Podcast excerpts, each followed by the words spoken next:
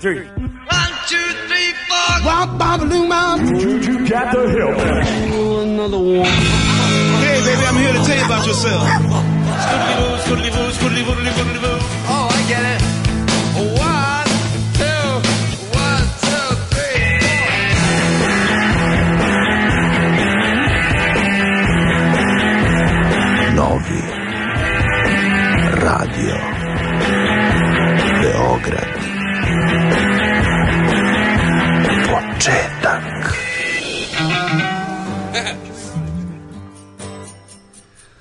Zdravo Čiro.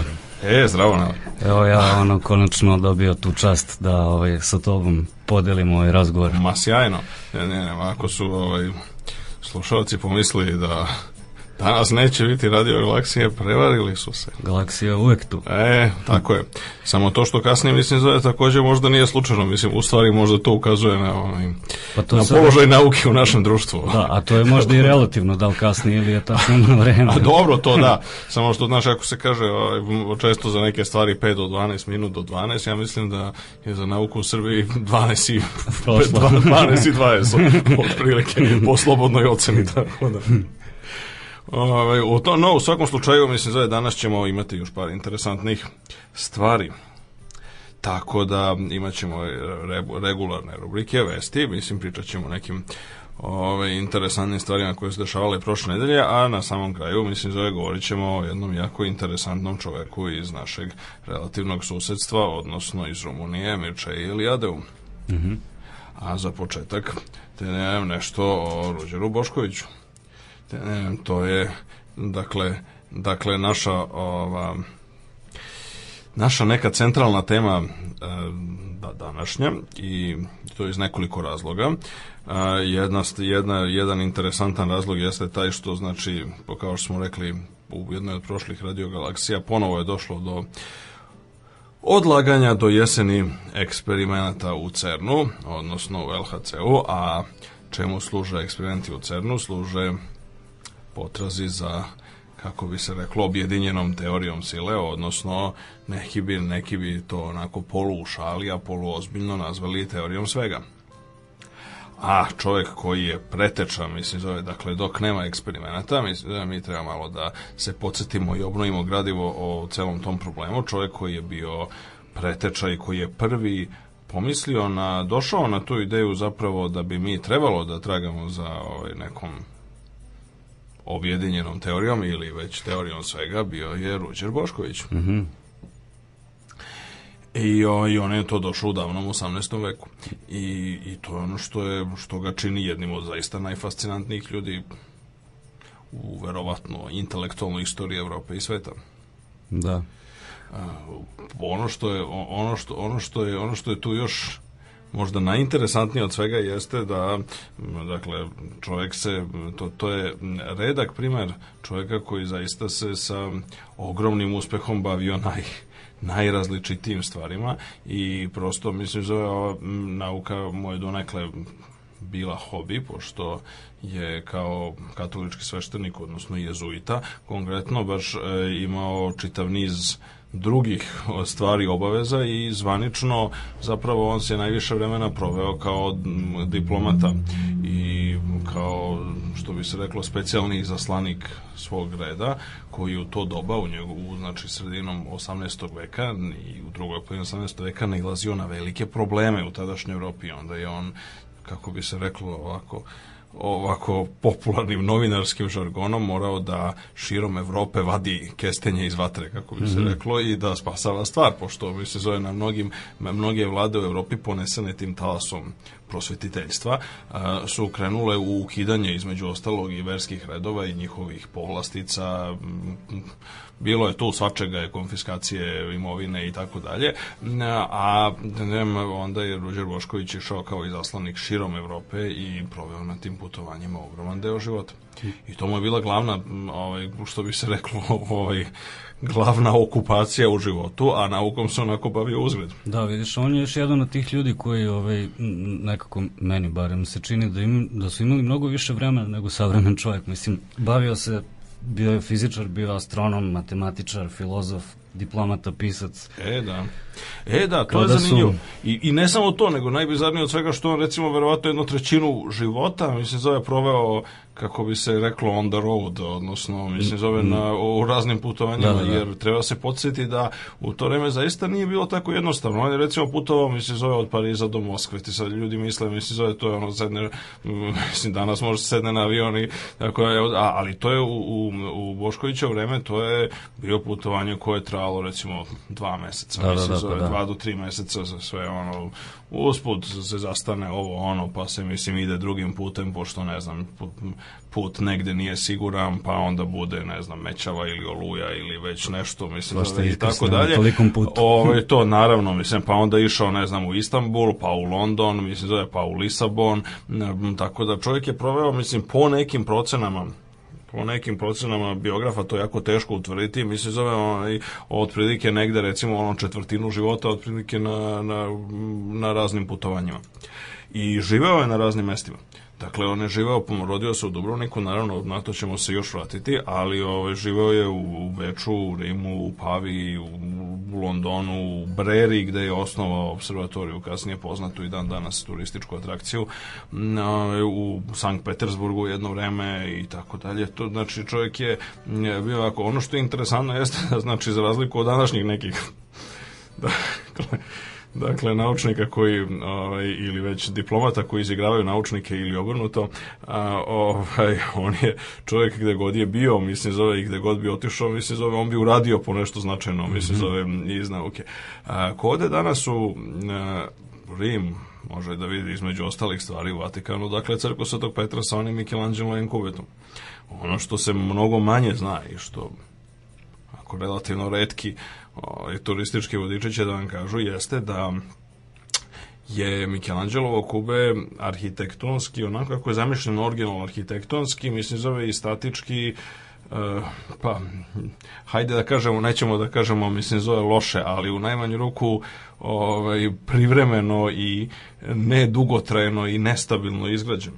A, I onda su se negde ovaj, u sredinom oko 1750. godine pojavile su se jako ozbiljne pukotine, mislim zove na uletu i pojavila se potreba, mislim zove, znači Papa je raspisao svoje vrsni međunarodni konkurs, mislim zove za to, ovaj ko će da da najbolji projekat, mislim zove kako da se zaštiti ojača konstrukcija mm -hmm. crkve Svetog Petra, mislim da bi jeli, se ne bi srušila jednog dana, kako se recimo dešavalo često sa no, mislim, dosta se, nedovoljno se zna, recimo, ljudi uvek vode ono, na ove gotske katedrale u Šartru, u Milanu, šta ja znam, a Notre Dame, a ne zna se da je gomila gotskih katedrala se srušila.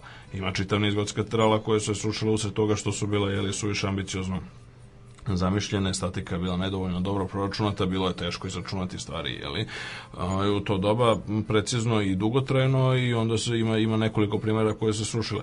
A da se to ne bi desilo crkvi Sveta Petra u Rimu, onda je papa zaista, mislim, zove na vreme organizovao konkurs, što je se ono što se opet malo zna jeste da je na konkursu pobedio projekat Rođera Boškovića. Rođer Bošković je dao projekat kako da se ugradnjom e, nekoliko koncentričnih e, čeličnih prstenova ojača osnovica kubeta ove, Michelangelo jeli, odnosno tamo, ne, dakle ove, Svetog crkva Sveta Petra u Rimu i, e, i onda da se shodno tome da se to ojača i danas posetioci kad vide tamo i čak se penju gore na jeli, vrh kubeta ove, to delimično čine zahvaljujući Rođeru Boškoviću koji između ostalog razumeo dovoljno dobro principe, znači one geometrijske principe koje mm. leže u temeljima arhitekture.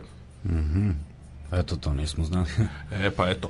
A ovaj, sem toga, mislim da on je, e, dakle, ono, ono što jeste, mislim da dakle, ključna stvar kod njega, hajde o, da krenemo iz početka, mislim da jeste da imao je, imao je dakle, srećnu okolnost da se rodio u Dubrovniku. Dubrovnik je bio tada jedna polu nezavisna, pa, hajde tako da kažemo, polu nezavisna republika, Pomorska republika, koja je, Raguza, to jeste, je. Raguza, na, naravno, koja je, a, koja je bila se ugledala u mnogome na svoju, dakle, da, feud feudalnu, ovaj, u feudalnom smislu reči, mislim, zove ovaj, na svog Sizerena, odnosno na Letačku republiku koja je bila hajde da kažemo, dominantan faktor na istočnom Mediteranu, ne samo na Jadranu, i pritešnja nam između praktično tri velike sile, znači između Mletačke republike sa morske strane i Ugarske i Turske, mislim da sa ove kopnene strane, Dubrovnik je igrao vrlo veštu diplomatsku ulogu, mislim da bi ostao, da bi sačuvao kakvu takvu nezavisnost, ne u potpunosti, pošto su oni najveći deo istorije, mislim, zove bili pod uh, znači formal, formalnom ovaj, pod formalnom upravom uh, Mletačke republike, ali Mletačka republika je davala, mislim, zove bila dovoljno mudra da u naknadu za znači, nekakav relativno simbolični gest pokornosti i m, relativno sitan za tadašnje trgovačke i carinske prilike danak da obezbedi praktično punu autonomiju Dubrovčanima, a, tako da su oni zaista imali prilike da se da se istaknu i da da kao što znamo i danas Dubrovnik je jedan od arhitektonskih i umetničkih i, i kulturnih ovaj, zaista čuda Mediterana. A, tako da je to u tom periodu je između ostalog to bila zaista po uzoru na institucije Mletačke republike jedna od najnaprednijih, najliberalnijih država tadašnjeg sveta a, i u kojoj je generalno život bio ovako daleko udobniji i komfortniji nego, nego, u, pa da, upravo tako, mislim, zove pogotovo nego u okolini, znači pod ovaj, dominacijom ili Mađarske ili, ili Otomanske imperije, a, tako da je nije ni čudo da su Dobroniku zaista razvila značajna naučna i kulturna aktivnost, znači ljudi kao su ne samo Rođer Bošković, on je bio samo jedan od elova, ali mnogi drugi ljudi, Marin Držić, čija je prošle godine slavljena, mislim, 500 godišnjica, ako se ne varam, onda recimo Marin Getaldić koji je bio jedan od pionira optike ne u Evropi. Čitav niz drugih, mislim, zove učenih i uglednih ljudi je nastao u tim trgovačkim krugovima Dubrovačke republike i Ruđer Bošković se savršeno uklopio u taj, mislim, zove milje, mislim, on je bio sam kako bi se danas reklo, iz mešovitog braka, mislim, zove, imao je to multikulturno poreklo, njegov otac je po svemu sudeći bio poreklom crnogorac, majka mu bila italijanka, on je uglavnom, uglavnom, znači ona njegova dela su pisana latinskom kako je kako je da, bilo da, dominantno u to doba, a, jeste, on je doduše ostavio prepisku koja je na pa sad te ne moglo bi se diskutovati o tome on je zapravo na veli hrvatsko-srpskom srpsko-hrvatskom mislim mm -hmm. zapravo zapravo ono što jeste jedan od razloga zašto zašto ja podozrevam da da zapravo on nekako nije bez obzira na pokušaje nije bio tako nije nije tako uspešno zloupotrebljavan od strane nacionalista ovim preto ovim poslednjim decenijama naše novije nesečne istorije je upravo bio taj što on je znači jako dobro isticao mislim u tome mislim u mešnosti da, da zaista i da pomiri sve te, mislim, zove nekakve ove suprotnosti, pošto recimo o, njegova pisma koja su sačuvana su pisana na jeziku koji je razumljiv, naravno, mislim, zove svima na Balkanu, mislim, zove da ne kažem ovaj, ovaj, ovaj haški, bosansko, hrvatsko, srpski ovaj, jezik, ali je recimo specifični izrazi njegovi su bližim srpskom, mislim, zove današnjem nego, nego hrvatskom. Sa druge strane, on je poznato je da je slavio sa velikim uh, ovaj, entuzijazmom, uh, dakle, i, ovaj, i kad bi se nešto desilo, mislim, zove u nekoliko navrata, mislim, zove kad su bile neke čini mi se neka sportska manifestacije, mislim zove neki konjičke igre ili viteški turnir, mislim zove onda je on onda je on isticao, mislim zove navijao je i za Hrvate i za Crnogorce i tako da je sa podjednakim entuzijazmom kako kažu beleže izbori, tako da je čovjek onako baš bio pravi kosmopolita ono, u, ta, u tadašnjem smislu te reči i a, zaista imao, mislim zove tu, pored toga što je, mislim, pored tih lokalnih jezika, mislim zove oni govori o četiri ili pet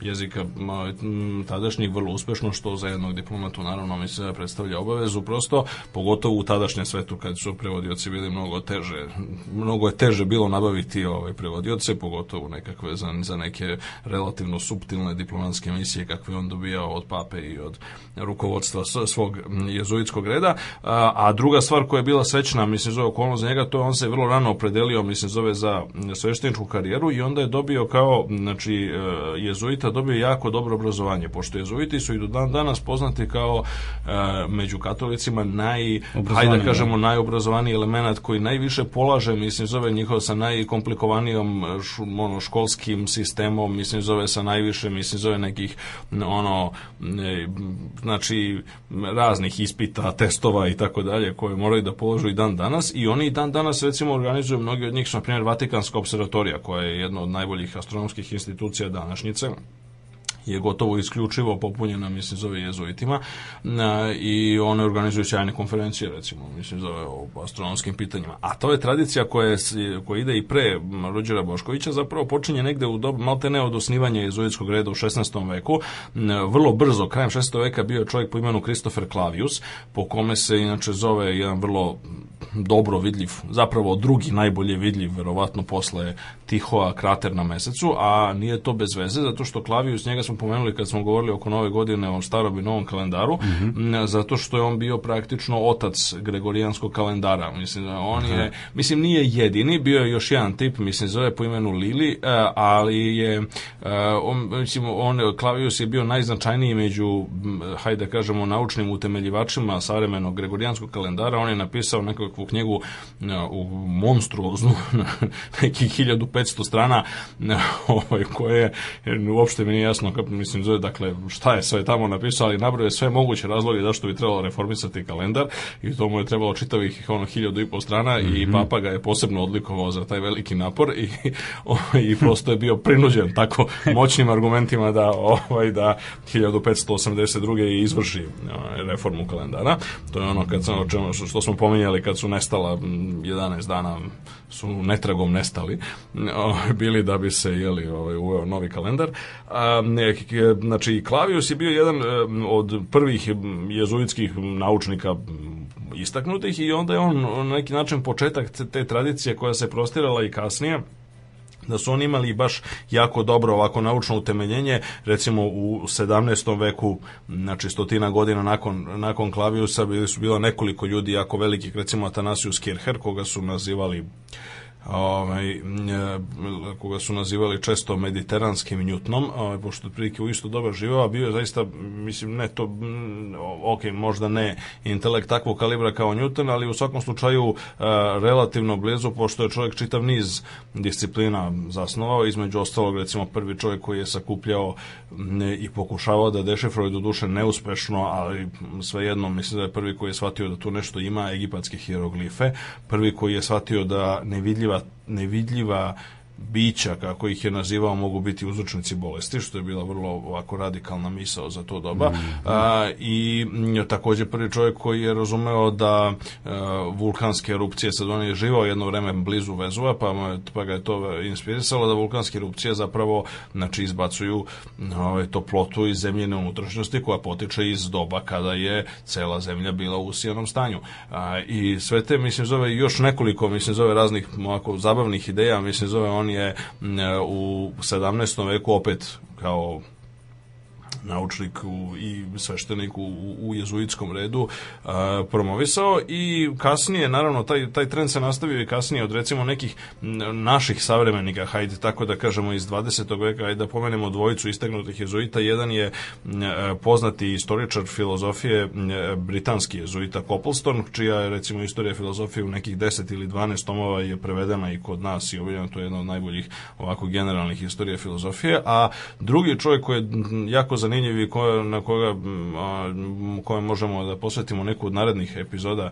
Radio Galaksije je otac Pierre Teilhard de Chardin koji je a, pored toga što je bio poznat filozof i teolog uglavnom nakon svoje smrti pošto su pošto ništa nije objavljivao za života on je bio i a, jako značajan antropolog koji je bio jedan od trojice Takođe, mislim da druge kolege su njegove su bile takođe jezuiti koji, ali on je prvi uspeo da protumači o čemu se to radi, koji je u Kini, u toj pećini ovaj, Čukotijan blizu Pekinga pronašao ostatke Homo sinantropusa, odnosno kako se danas jeli, naziva popularno pekinškog čoveka.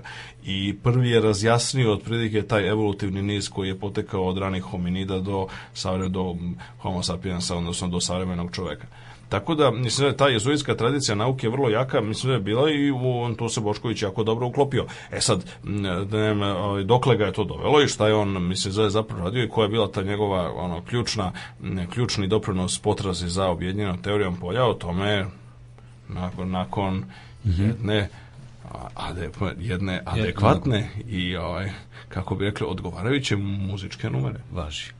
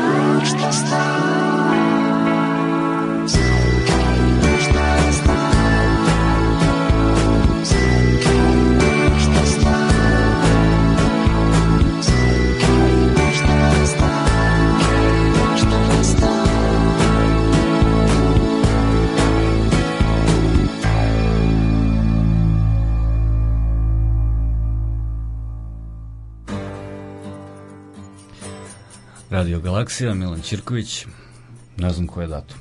Danas je 25. februar. 25. februar. Jeste. 2009. godina.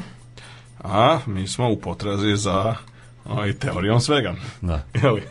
Ali pre toga, ok, pre toga mislim zove da, dakle, pre nego što vidimo šta je, mislim zove naš ovaj, današnji junak, uh, Ruđer Bošković radio na uh, izgradnji teorije svega i ovaj, na tom jednom dubokom pa hajde da kažemo naučnom i filozofskom ovaj, uvidu u, u potrebu objedinjenja sila. Još samo možda par reči da kažemo onome što se u, obično mislim zove uči kao i već pominje, mislim je kao, kao neki njegovi empirijski doprinosi nauci, da kažemo, on je se, mislim, čitav niz stvari je usput imao prilike tako putujući po Evropi i svetu da radi, pa je ne, ovaj, malo posmatrao, opet imao je nekoliko teleskopa, neki onako priručnih, nekih ovaj, na o, sajtovima kao što je observatorija u Breri koji je i osnovao.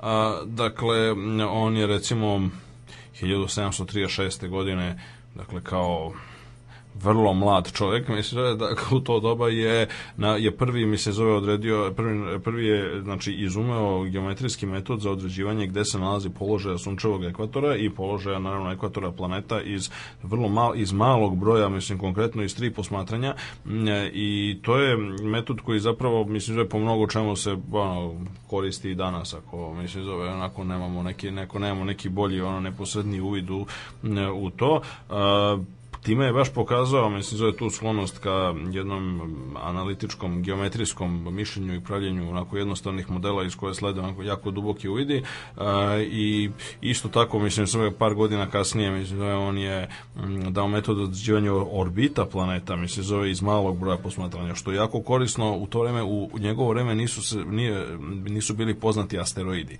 Asteroidi su otkriveni tek 1801. znači nekih ono par decenija nakon Boškovićeve smrti međutim upravo za korišćenje njegov metod se koristio istorijski gledano najviše upravo za od, znači za određivanje orbita asteroida zato što asteroidi su mala tela i jako tamna i teško ih je videti i onda kad se vide, vide se jedan deo vremena pa onda nestanu, da, da, se zove da, da. na duže period vremena dok ponovo ne budu u povoljnoj poziciji u odnosu na posmatrača na zemlji da bi se, da bi se videli i onda obično kod asteroida imamo za svaki pojedinačni asteroid imamo mali broj posmatranja onda sad postavlja se veliki problem kako odrediti mislim njihovu orbitu na osnovu malog broja posmatranja i Bošković je zapravo prvi dao mislim zove tu znači ne znaju mislim pre od samih trića asteroida on je dao odličnu metodu metodu koju se kasnije koristili posmatrači u 19. veku.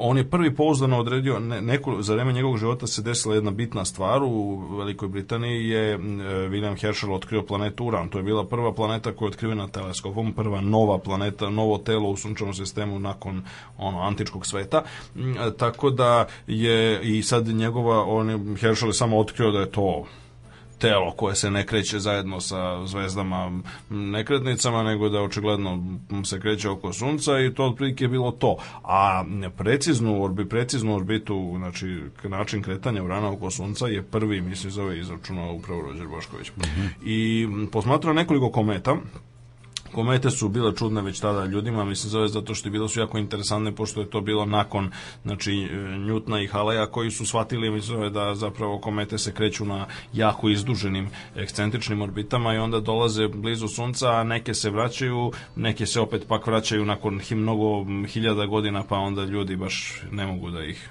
identifikuju i detektuju pouzdano, zato što ljudska civilizacija, posebno nauka, traje mnogo kraće. E, tako da je, oni su shvatili to, e, a u 18. veku, znači kasnije je bila nekoliko sjajnih kometa i neki od njih je posmatrao Ruđe Bošković i onda je on takođe, znači, e, određivanje oblika kometne putanje, mislim da li će kometa da se vrati ili neće i nakon koliko godina je to jako teško, zato što mislim da je ta putanja je ogromna, ogromna, ogromna, da, da. a mi sagledavamo samo njen mali deo ono kad kometa priđe suncu, tu prođe negde u blizini gde je vidljiva, to je 1% ili 1 da, da, da, promil i tako dalje. Sad, jeste. I sad kako odrediti, mislim, zove celu orbitu na osnovu tog malog dela, mislim, zove to je isto bio veliki problem baš i mislim, zove prosto divan problem za tako jedan onom e, matematički um kakav je bio Ruđer Vošković koji je on to prvi rešio, mislim kasnije se pojavila ono bolja rešenja naravno kad su ljudi razvili numeričke metode, ali ovo je bilo mislim zove jedno od jedno od prvih i, i pionirskih rešenja tog problema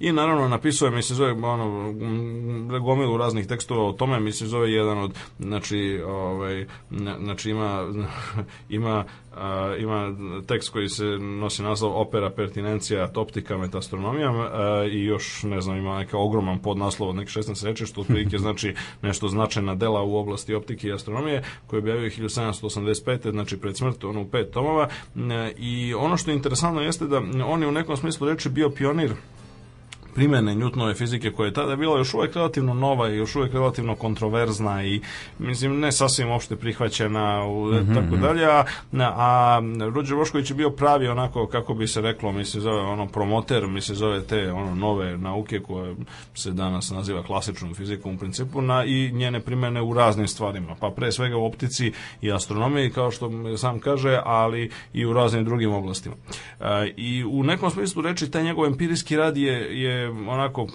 zadržava jedan kontinuitet, mada se mnogo češće o njemu govori, mi se zove, nego o onome o čemu ćemo sada pričamo, ali ima jedan kontinuitet sa tom njegovom spekulativnom e, filozofskom mišlju gde m, zapravo se on otišao i korak dalje, on se zapravo pitao, mi se zove, na koji način je potrebno nadograditi, mi se zove dopuniti ovaj, Newtonovu fiziku, tako da ona bude zaista, e, zaista da može da se njome objasne sve, svi tada poznati, dakle da naglasimo, mislim zove tada poznati prirodni fenomeni. A, očigledno je, mislim da u najmanju ruku već tada je nekim umeo. Zapravo Ruđe Bošković je prvi čovjek nakon antičkog sveta. U antici, antičkom svetu je bilo nekoliko ljudi koji su se ono diskutovali o tom problemu, mi se zove kako među atomistima, znači sadbenicima Demokrita i kasnije Epikura, je postojala izvesna debata oko toga, mi se zove načina na koji se na koji atomi, ako pretpostavimo da je to ispravna hipoteza, mi se zove o strukturi materije, onda na koji način se oni slažu hajde tako da, da se izrazim ili vezuju da formiraju makroskopski objekt. Mm -hmm. e, a to je bila nekakva, mislim, samo, samo što ta debata je bila, mislim, zove onako krajnje, mislim, zove, je li spekulativna i krajnje neodređena. A, Rođer Bošković se praktično vratio, ovaj, na, je vratio to pitanje, mislim, zove u prvi plan i on je u svom e, tom čuvenom delu, e, znači, teorija prirodne filozofije koja se pojavila u prvom izdanju 1758. u Beču, a drugo izdanje, mislim, zove popravljeno, prepravljeno, prošireno 1760 63. u Veneciji obično se ono citiram, mislim zove kad god se govori, mislim zove o, o Boškovićevoj teoriji prirodne filozofije, e, ona je, e, znači on je tu postao, on je prvi razumeo jedan suštinski problem koji dan danas ljudi često ne razumeju i mislim nije važno, mislim mogu ne razumem, ja, ja, ja se plašem i podozrevam da čak i ono, znači mnogi pisci učbenika ili popularnih prikaza, mi se zove i čak i ljudi, mi se zove koji ono savršeno dobro o, ovaj, odrade i nauče osnovnu školsku i srednjoškolsku fiziku takođe ne razumeju da postoji jedan duboki suštinski problem u tome kako je moguće da postoje uopšte stabilna e, makroskopska tela. Znači stvari kao što su ove sto stolica, mislim zove mi sami, ne znam, čaša, olovka i tako dalje, e, na, je samo postojanje tako stabilnih tela -hmm. je nešto što e, zahteva duboko obja, objašnjenje. Jer e, bez obzira na koji način mi govorili o sa sastavnim delovima, mislim zove makroskopskih tela, a, e, po, mora da postoji neki razlog zašto se, dakle zašto, mislim zove na koji način na koji se sastavni delovi vezuju, a i koja je to sila koja održava njih na okupu. To svakako nije gravitacija, to je recimo Ruđer Bošković prvi, mislim, zove odmah odbacio i o tome posvetio celo poglavlje, mislim, zove teoriji prirodne filozofije, zapravo da, jer je bilo jasno da gravitacija održava na okupu zaista e, samo velika tela, znači da, samo da. zemlja, planete, mislim, zove ono, zvezde i tako dalje, pošto je gravitacija slaba. Ok, ali šta je onda to što država na okupu misli da stvari kao što su čaša, stolica, sto. Neki bi rekli sad mislim zove, ok, to su električne elektri, ili elektromagnetne sile, ali i to je pogrešno zato što bi to značilo, mislim ako mi razbijemo recimo, ne znam, čašu na dva dela, mislim zove, onda bismo videli da jedan i drugi deo su električno neutralni, znači i mislim nemaju takođe ni, znači ne deluju ni na iglu kompasa i tako dalje, znači nisu ni na magnetisani. Te u tom smislu mi mora da tražimo ono dublje i, i ozbiljnije zapravo ono u čemu je tu tačno problem. Ne, I ono što je velika ironija jeste da ljudi zapravo ne razumeju, to je Feynman, na primjer, isticao u svojim predavanjima, da zapravo postojanje makroskopskih čvrstih tela predstavlja samo po sebi jak argument, mislim, u tome da, znači, to je bio dovoljan argument, čak i da ništa drugo nismo znali, da je klasična fizika, ova 19. vekovna, ova koja se uči, mislim, u osnovnoj i srednjoj školi nedovoljna. Mm -hmm. I da je nam potrebno nešto drugo, a to nešto drugo je kvantna mehanika. Tek sa pojavom kvantne mehanike, znači, tek negde 20. 1920. 1930. godina postalo je moguće objasniti stabilnost makroskopskih objekata tela. Konkretno, radi se o nečemu što zove Paulijev princip isključenja, što zapravo sprečava da se čestice. U datom slučaju mi se zove znači pre svega elektroni koji se nalaze koji kruže oko odnosno kruže to sad jedna pogrešna ovako klasična analogija ali recimo koji ispunjavaju prostor oko atomskih jezgara. Da, dakle, možemo da, da kažemo da elektroni, da kruže ako su u svakom trenutku na svakom naravno mi se zove i oni su naravno mi se zove oni su ali jako je teško govoriti pošto ljudski mislim jednostavno ljudski jezik i to je jedna osnovna jedan osnovni problem kod um, govora posebno popularnog govora o kvantnim fenomenima jeste što ljudski jezik jednostavno nije prilagođen tome. Znači, ne, ljudski jezik je prilagođen jednom njutnovskom svetu, mislim da je klasična fizike onoga što na čemu se formira, mislim da je ljudsko iskustvo materijalnog sveta oko nas. Mi sad ne možemo da kažemo kakva je sad to čestica ako elektron može istovremeno da prođe kroz dva različita otvora, a da se nigde ne, ne deli na pola. Kako je sa to moguće? Sad prosto ne postoji, mislim da znači nama termin čestica kad kažemo recimo elektron čestica, on jednostavno isključuje tu mogućnost. Mm -hmm. Znači kada kažete nešto čestica, mi se zove onda mi se zove znači se podrazumeva da on ne može da bude na dva mesta istovremeno, mislim da a da se pritom ne deli.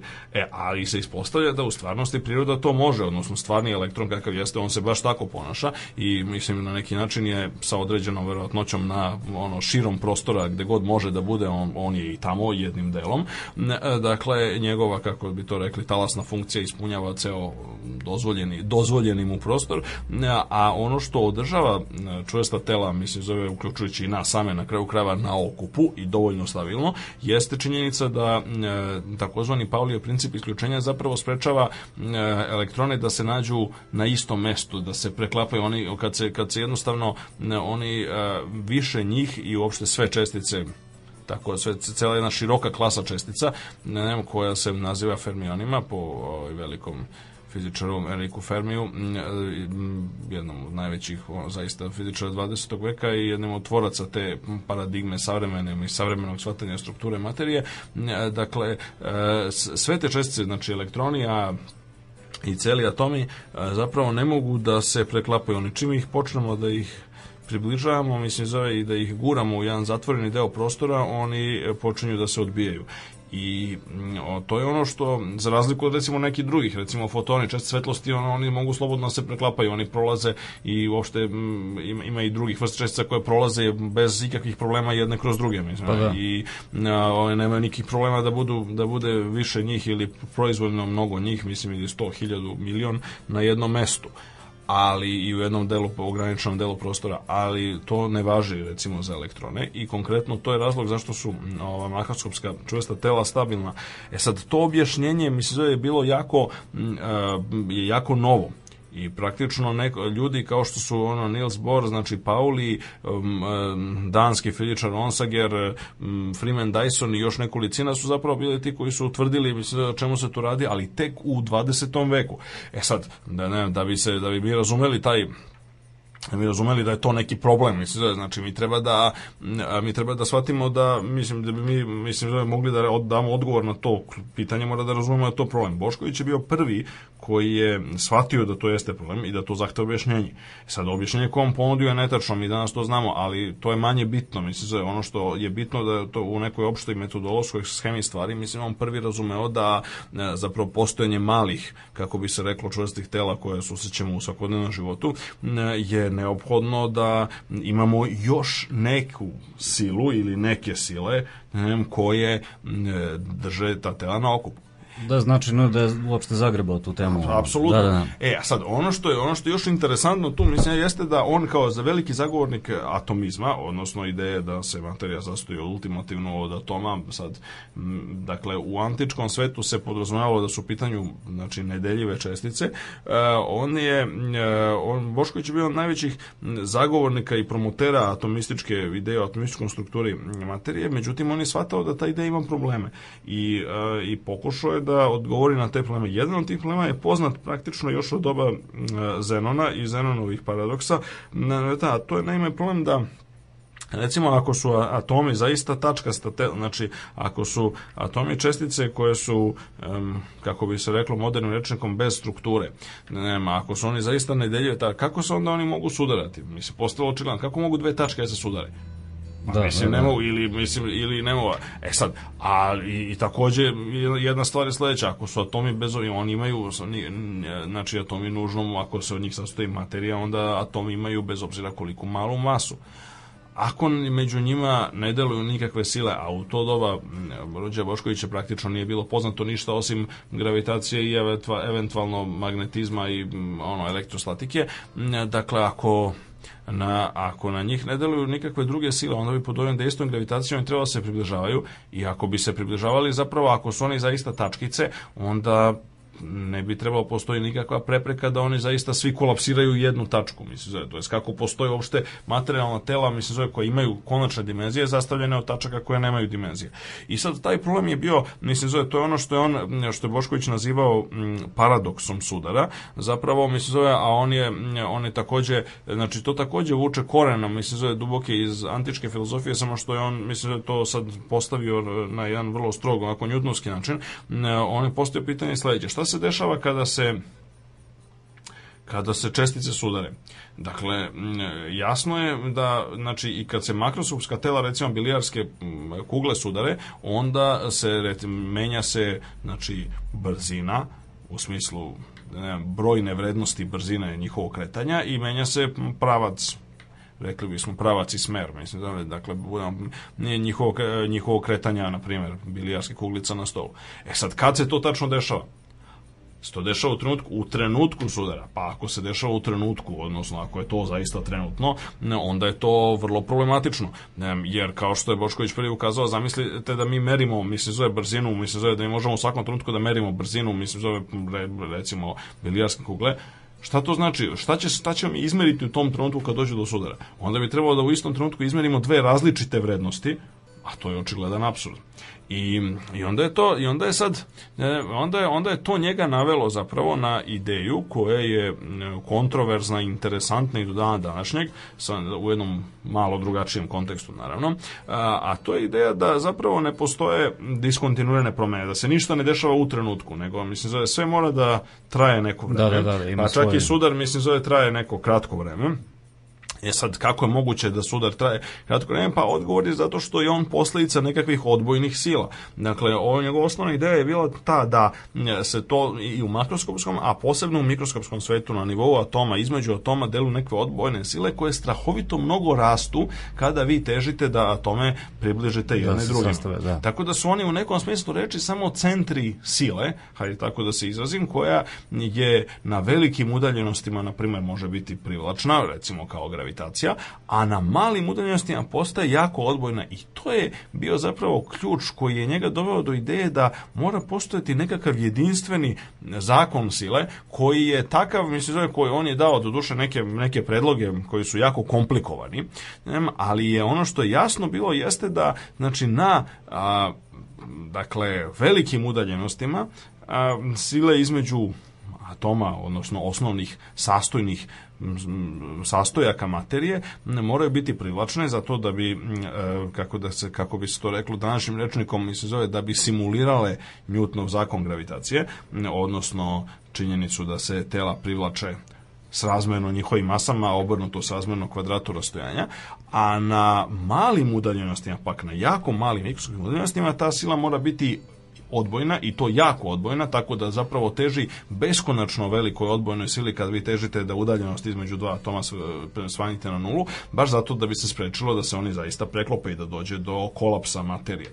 I, i sad ta ideja je, mislim, zove taj, recimo, on je u tom smislu predložio jedan polinomni zakon koji se vrlo često ako u nekim tim istorijskim knjigama koje se bave, znači ili samom Boškovićevom filozofijom ili istorijom filozofije se a, relativno pogrešno predstavlja sad da je on rekao, mislim, zove, ok, eto sad imamo neki, ne znam, na primjer, neki, neki skup polinoma, mi se zove neki ono 2x na kvadrat plus 3x i tako dalje. Ne, on je zapravo zagovarao ideju da taj zakon e, će imati nekakav u opštem slučaju mi se zove neki oblik polinoma, samo što je rekao da on ne pretenduje da ga da u zatvorenoj formi, odnosno da zna sve članove, nego je samo rekao, mi se zove da je to verovatno neki beskonačan, beskonačan niz članova, s tim što je svaki sledeći sve manji i manji, tako da ako mi želimo da se približimo, mislim, zove tom univerzalnom zakonu, onda samo treba da uzmemo dovoljno veliki broj članova, možemo mi uvek da se približavamo i dalje, mislim, zove i da uzimamo sve više i više, mislim, zove članova da računamo za svaki konkretan pojedinac konačan problem i tako ćemo dobiti sve precizniji i precizniji, odnosno bit ćemo sve bliže i bliže pravom odgovoru, a kao pravi i ozbiljan naučnik, tako reći, po mnogo čemu, mislim, zove daleko ispred svog vremena i daleko bliže onome što je filozofija nauke i metodologija 20. veka, mislim zove on je zapravo na neki način negirao postojanje e, konačne i apsolutne istine u tom nekom smislu, nego je zapravo, zapravo smatrao i to je bilo opet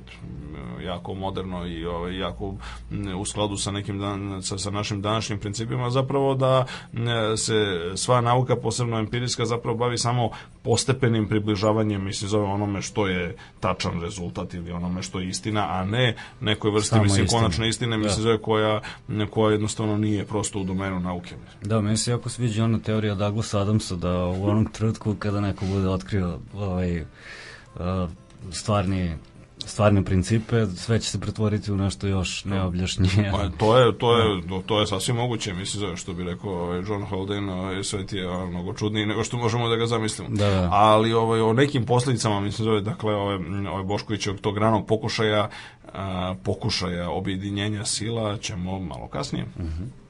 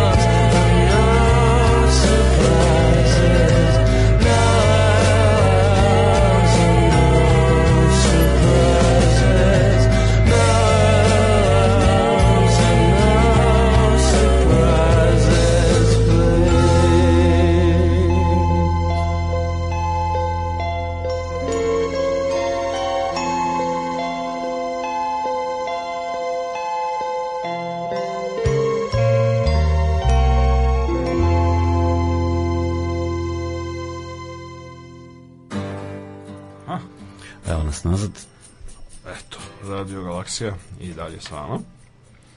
A, ove srede još malo o Ruđeru Boškoviću, Ruđeru Josipu Boškoviću ili Josifu ili Jozefu, a, dakle, koji je 1758. objavio teoriju prirodne filozofije i kako sam kaže, mislim, zove napomeni za čitaoce koja stoji na početku, a kako se, kako to vreme bilo običajno već pisati, dragi čitaoče, pred tobom se nalazi teorija prirodne filozofije izvedena iz jedinstvenog zakona sila.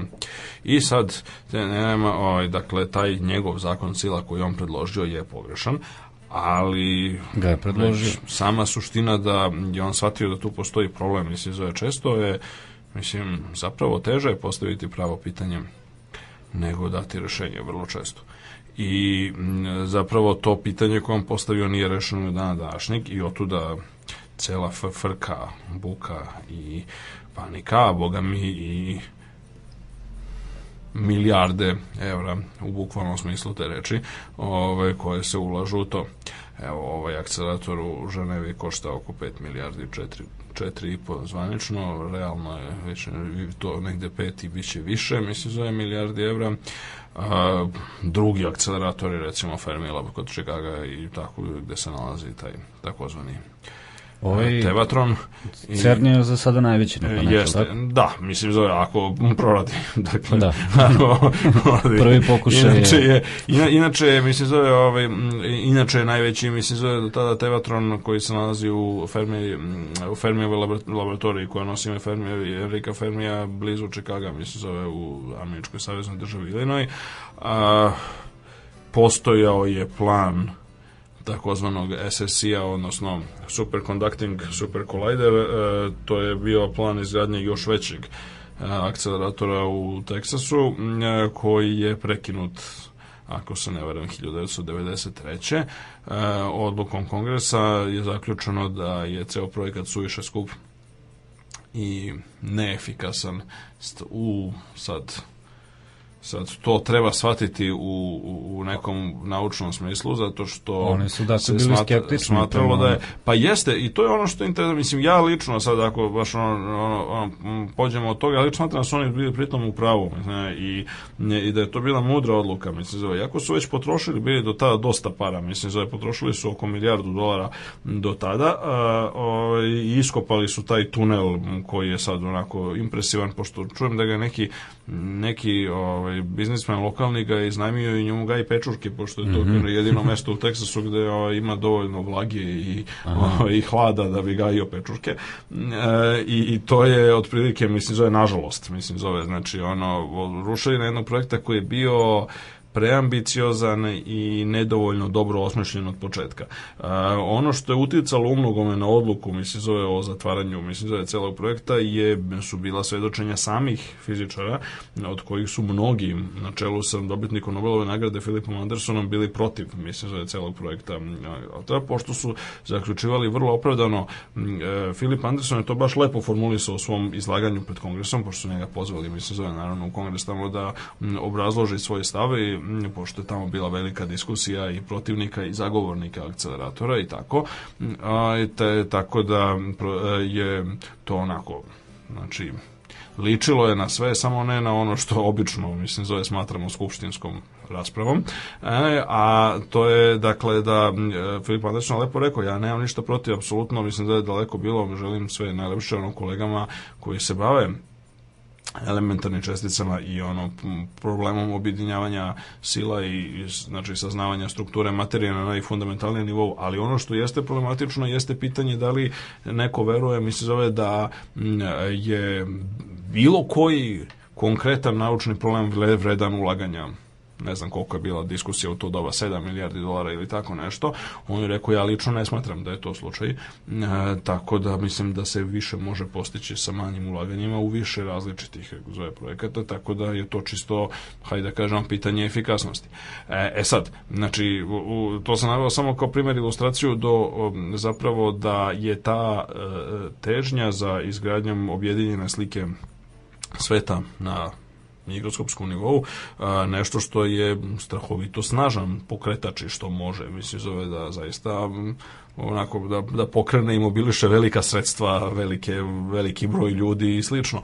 A, a to pitanje, to je počelo zapravo sa Boškovićem. On je bio prvi koji je e, sugerisao tu ideju da zapravo da m, se u prirodi iznad te površinske raznolikosti koju primećujemo svuda oko nas krije skriveno jedinstvo, hajde tako da se izrazi. Mislim, zove ta njegova ideja o skrivenom jedinstvu, ono što je motivisalo kasnije generacije naučnika da se bave prvo nekakvim delimičnim objedinjavanjem kao što je recimo Faraday i, i Maxwell koji su, koji su shvatili da su elektricitet i magnetizam zapravo jedno te isto, odnosno različiti pojavni oblici jedne iste skrivenog fenomena koje mi danas nazivamo elektromagnetizam a, i kasnije mnogi drugi koji su kasnije radili na tome.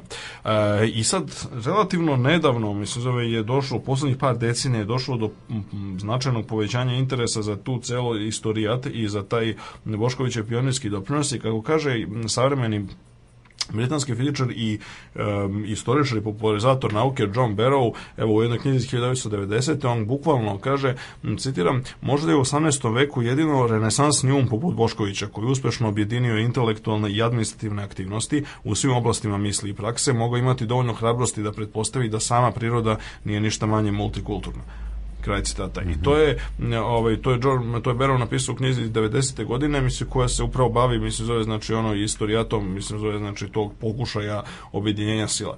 A ljudi su dakle Maxwell je e, recimo na neki način e, bio znači učinio naredni korak, mislim zove znači ruko do nekle, mislim zove znači inspirisan idejama Faraday, a Faraday je poznato da je čitao mislim zove Boškovićeve knjige i o tome ostavio nekoliko nekoliko interesantnih interesantnih beleški. A, znači, Maxwell je pokazao 1864. da su elektricitet i magnetizam zapravo dao je, dao je egzaktne, jednačine, klasične, kako tu danas kažemo, klasične elektrodinamike, koje opisuje sve električne i magnetne pojave bez izuzetka. Tako da šta god vidite, mislim, zove što, mislim, počeo od, ne znam, neonskih cevi, elektromagneta, mikrofona, dakle, struje koja prilaze kroz žicu, ona, ono, ono Teslino jaje koje rotira, znači sve je to bazirano znači, na različitim kako zove, rešenjima, odnosno primenama zapravo Maxwellovih jednačina koje objašnjavaju sve elektromagnetne pojave. E, onda su u 20. veku ljudi počeli da otkrivaju, kako se počela otkrivati znači, priroda atoma i počeli su otkrivaju one sile koje su zaista skrivene od nas na mikroskopskom nivou, a to su pre svega nuklearna sila koja drži na okupu protona i neutrone u jezgrima i e, takozvana slaba sila. Ranije se nazivalo slaba i jaka nuklearna sila, danas se prevlađuje, prevlađuje mišljenje da zapravo treba da zapravo postoji jedna nuklearna sila, a pored nje postoji nešto što se zove slaba sila. Slaba sila je najmisterioznija po mnogo čemu u e, nekom smislu reči da je najmanje prisutna i, i obje, ono, objašnjiva na, na, na, na, nivou, na popularnom nivou i na nivou svakodnevnog života. Ona izaziva neke vrste radioaktivnosti, recimo i recimo raspada kad ostavite neutron izvadite iz neutron iz jezgra atoma i ostavite ga samom sebi, on će se nakon par minuta raspasti na njegovo period raspada je tako dugačak, znači par minuta, što je jako dugačko vreme po mikroskopskim standardima, baš zbog toga što je ta slaba sila, kao što ime kaže, slaba.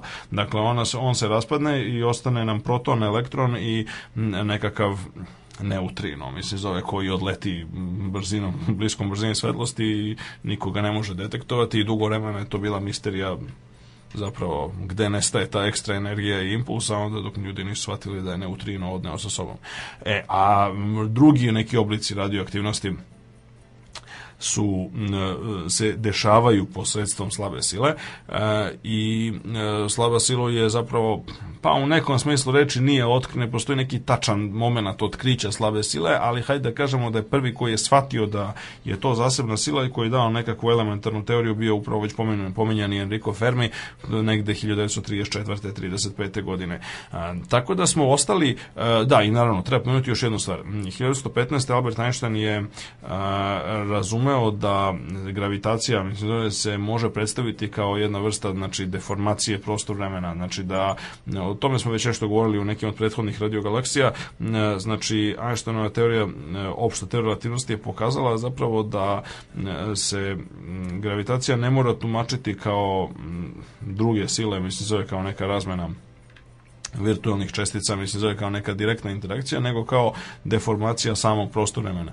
I to je bila velika znači, dakle, hajde da kažemo neki misle, mislim zove i naj, najznačajnija i po mnogo čemu najelegantnija od savremenih fizičkih teorija. Jedini problem sa njom, i taj problem ostoji do dana današnjeg, znači sa Einsteinovom teorijom gravitacije, ona je prošla sve moguće testove znači, i na zemaljske i još mnogo više astrofizičke. Jedini problem jeste što je to jedna klasična teorija. Ona je nespojiva sa kvantnom, sa kvantnom mehanikom i uopšte celom kvantnom fizikom do danas i zato se jedan veliki deo napora na objedinjenju sile zapravo svodi na pitanje kako je moguće dati, kako je, kad će se pojaviti ta kvantna gravitacija, kako to ljudi kažu, a to je nešto što nemamo i što je mnogo težak problem. I verovatno, pa sad ono, ajde da ne preteramo, ali verovatno jedno recimo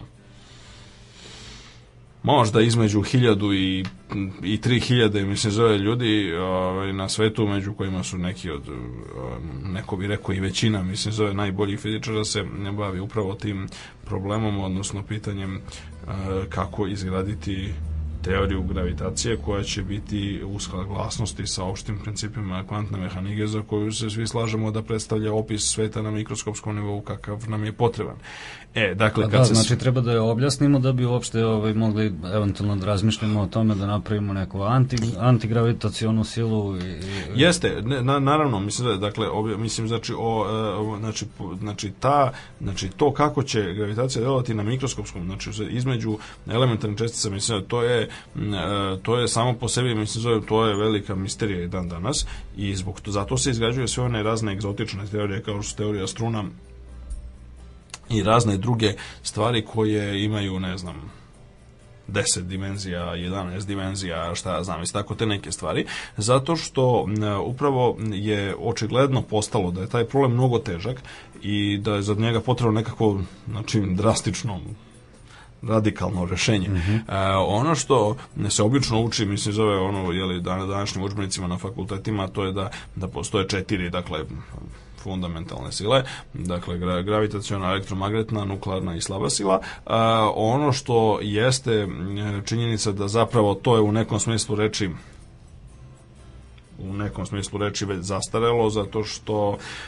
je su Weinberg, Salam i Glešov e, postigli negde još početkom 1970. godina su objedinili elektromagnetnu i slabu silu, pokazali su da se ona predstavlja samo različite pojavne aspekte, mislim zove jedna je suštinski istek fenomena koji se često naziva danas elektroslabom, odnosno electroweak interaction, dakle e, to je a, to, tako smo ostali praktično sa tri mislim zove sile, e onda od ta elektroslaba i nuklearna sila se mogu dalje objedinjavati u nešto što se generalno zove ono, GUT, odnosno Grand Unified Theory, odnosno teorija velikog objedinjenja, mm -hmm. koje predstavljaju znači sve ono mislim zove što nije gravitacija. I onda konačno kad bismo uključili gravitaciju, onda bismo dobili ono što je zaista što je zaista puna objedinjena teorija ili kako se to opet kažem već šaljivo naziva teorijom svega.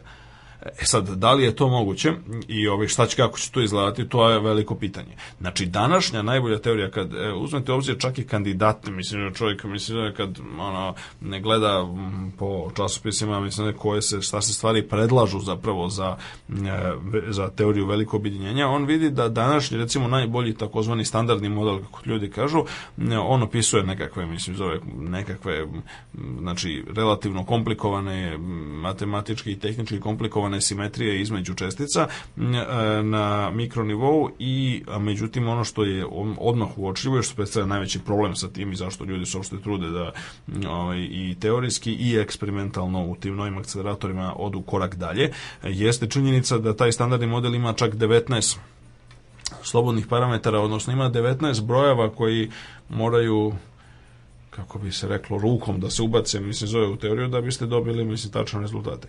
To je u svakom slučaju suviše. Sad, teorijski gledano moglo bi biti, znači, zamislivo je da je priroda zaista tako uredila stvari da ne može da se da, da, to, da taj broj ne može se smanji. Ali to je ekstremno malo verovatno i ljudi se nadaju da, mislim, to je onako, to je baš, ne, to bi bilo baš relativno depresivno, ako bi se ispostavilo da, da to ne može da se, da se ode korak dalje.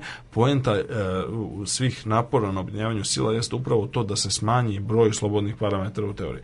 Znači da se po mogućstvu svede na neki mnogo manji broj, recimo 2, 3, a idealno gledano, sad relativno su redki, mislim, za ove ljudi koji su baš, ajde da kažemo tako, platonisti u određeno u, u među, među fizičarima, ima ih, ali su relativno redki i bar oni relativno redki su oni dovoljno hrabri, mislim, zove, da, da to i javno kažu, a, koji smatraju da bi ultimativno broj slobodnih parametara bude sveden na nulu, odnosno da ne bi zapravo a, e, buduća objedinjena teorija trebala bude čisto matematička teorija, koja bi ona da bi ona pokazala da zapravo prirodni zakoni ovakvi kakvi jesu, ovakvi kakvi jesu, zato što je to jednostavno nužno. To je, matema, to je logički i matematički nužno. Znači nije potrebno ništa da stavljamo rukom, da, da, nije da, da potrebno da, ništa kako da, da mi sad nešto uh, merimo u, u stvarnom svetu, pa onda kažemo, ok, mi ćemo sad ovo da ubacimo kao nekakav empirijski parametar da bismo dobili sve, da nam se sve slaže. Ne, nego oni zamišljaju da bi bilo moguće dobiti jednu potpuno, gde bi jedine stvari bile matematičke, recimo broj pi, ne znam, ono, broj 2, 3, 4, ono, ne znam,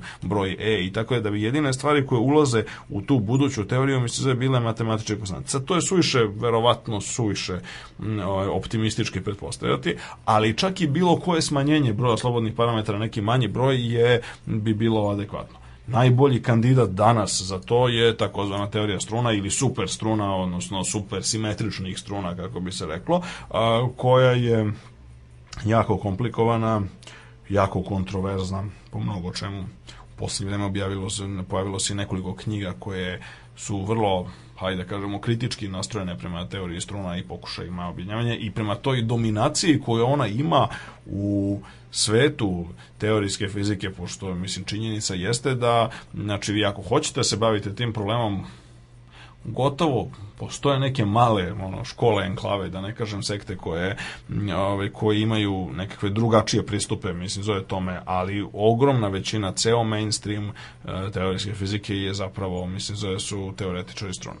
I sad neki tvrde da je to ako jedna nezdrava situacija s obzirom na relativnu neproduktivnost te teorije u pogledu predviđanja nekih eksperimentalnih rezultata. A, što kritičari zapažaju da dakle...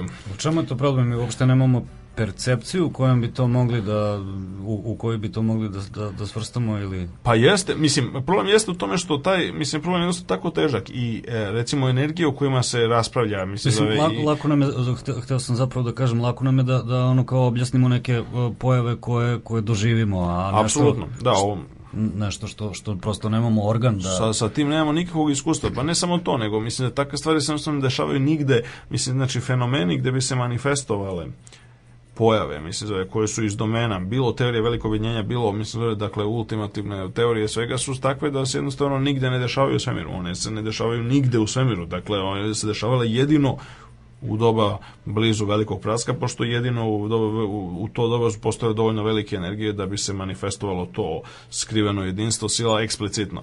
E, a ono što jeste problematično, mislim jeste da zapravo a, nekakve, znači, Uspešne teorije su uspešne zbog toga što predviđaju, što daju neka predviđanja koje se kasnije uspešno provere.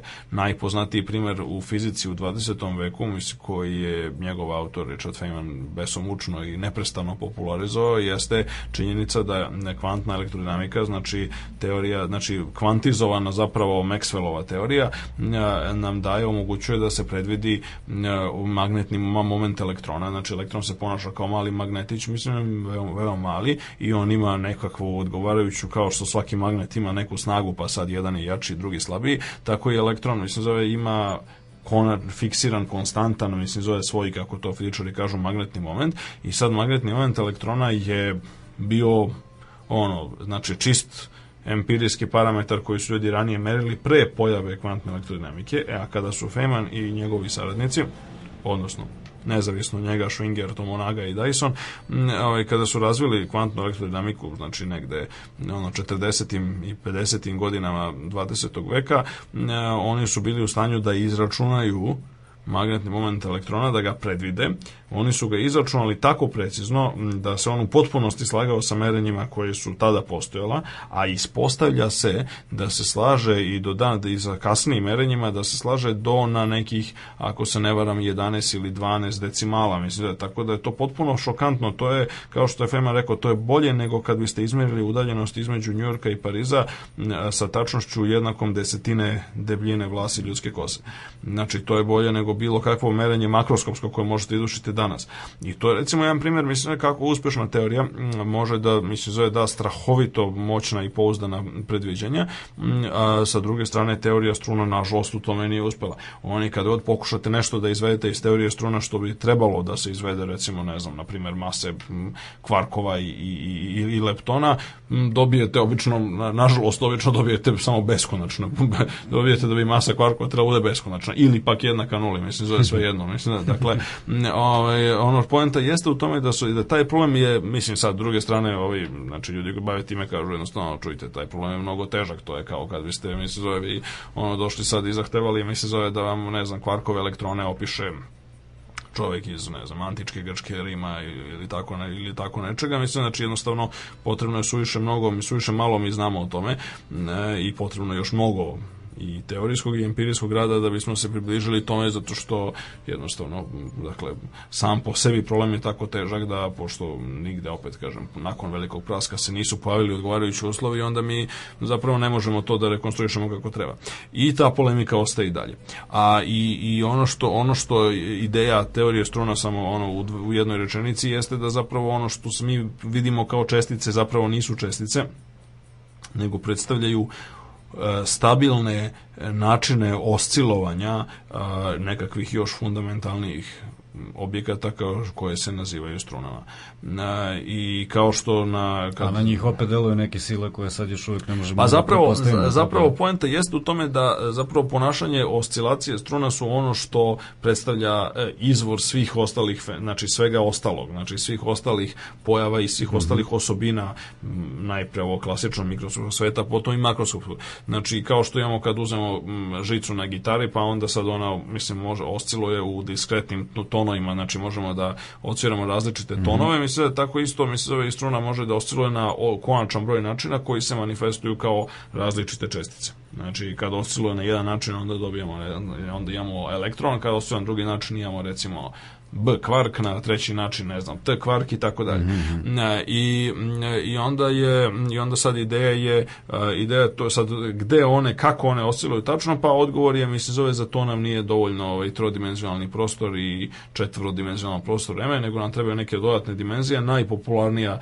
teorija u poslednje vreme, mi se zove, je takozvana teorija u 11, znači super struna u 11 dimenzija, pri čemu su ovih sedam koje dodatnih dimenzija koje su nam potrebne, jedno jednostavno suviše ma, one su nekako zakržljale u razvoju, odnosno one su sve bile prisutne sa nama i bile su ravnopravne u velikom prasku, ali onda su samo ove četiri, mislim, zove prostorno-vremenske koje, na koje smo navikli su na neki način postale velike, mm -hmm. a mhm. onih preostalih sedam je ostalo majušno i to je potpuno isto kao vi možete uzmete, znači ono, ako položaj tački, položaj nečega ono označavate u koordinatnom sistemu sa tri broja, onda možete da kažete, ok, mislim da je to nisu tri broja, nego je recimo pet brojeva mm -hmm. ili 11 brojeva, s tim što svi ostali su jednake nuli ili toliko blizu nule da možemo da ih zanemarimo. Mm, mislim, da je, e, tako da je to, mislim, zove, to, i na tome se dosta radi, ali, mislim, zove i tu ono, u principu da zaokružimo, to je znači sam suštinski metodološki epistemološki problem objedinjenja Micizove je,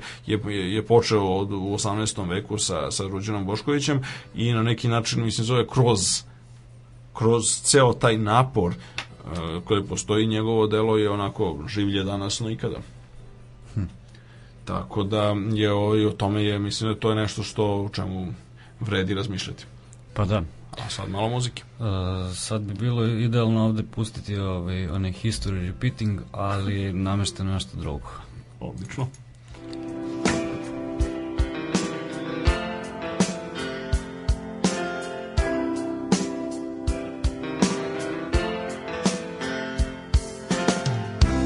crazy, I'm crazy.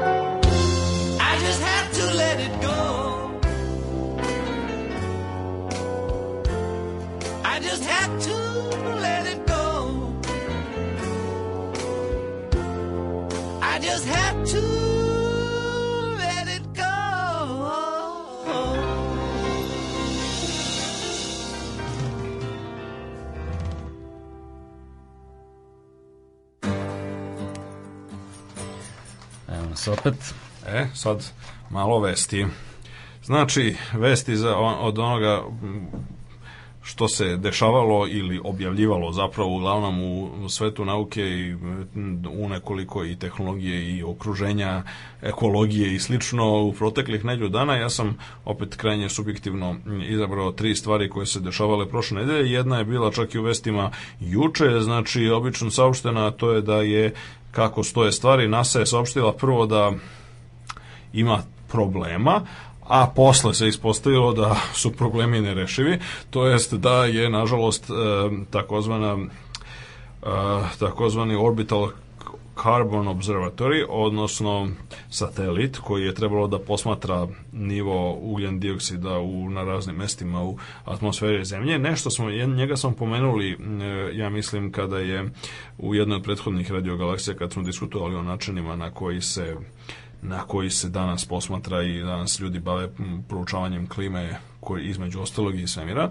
E, dakle, taj e, novi satelit koji je deo projekta koji je koštao sve u svemu 278 miliona dolara, je lansiran bio u ponedljak to je prekjuče, međutim, te ne znam kako stoje stvari, ovaj, imao je problema i ne samo što ima problema, nego je Nego ih dalje. nego, nego, nego ih, ovaj, pa nema ih više pošto je pao na zemlju, Aha. mislim zove, to jest pao, pao je u Pacifik. Ovaj. E, E sad, o čemu se radilo zapravo, mislim da je prvo je bilo, e, prvo je saopštenje, mislim da nas je govorilo da ima problema sa odvajanjem um, onog zaštitnog oklopa koji mislim štiti satelite pre lansiranja. E sad u ovom slučaju je je to bilo posebno posebno relevantno zato što je su zapravo uređaji koji se koriste za detekciju ugljen dioksida u atmosferi a, i uopšte za detekciju tih atmosferskih stvari su bili jako, baš izrazito osetljivi i proizvod nove tehnologije, zato je napravljen poseban a, novi a, za taj zaštitni omotač koji je štitio satelit tokom lansiranja, kako se ispostavilo taj, taj novi nije bio dovoljno ispravan, te on nije mogao u potpunosti da se odvoji. Te jedan deo, mislim, zove njega ostao ostao, dakle, na ovaj, na, ostao na satelitu nakon što je on lansiran kao posledica toga mislim zove satelit nije mogao da zauzme odgovarajuću orbitu e, koji je trebao pošto je bio mnogo teži jeli, nego, što, ne, nego što se očekivalo da bude nakon odbacivanja, mislim, zove tog zaštitnog omotača i kao posledica svega, mislim, zove konačno je, ono, je li zaključeno da je najbezbednije, pošto je njegova orbita, mislim, zove inače bi bila nestabilna i sad niko živi, ne znam, mislim, zove gde bi on, on, on bi ultimativno, pošto nije uspio da dostigne goreću visinu, mm -hmm. pao na zemlju, ali bolje je da padne planski, mislim zove, nego neplanski, tako da je ono planski oboren e, iznad u Južnom Pacifiku, negde blizu Antarktika. A, znači oborili su. I, ovaj, nažalost je, nažalost je, mislim, zove to se je bio ovaj neuspešan eksperiment tako da ćemo morati da sačekamo nove dakle nove orbitalne observatorije koje će posmatrati ugljen dioksid i radi se o tome da e, to je bila, mislim, to je izvalo pažnju iz još jednog razloga. To je bilo lansiranje koje je izvršeno novom Taurus raketom, koje je nas razvila kao jedan deo aktivnosti koje prate postepeno penzionisanje Space Shuttle. Da.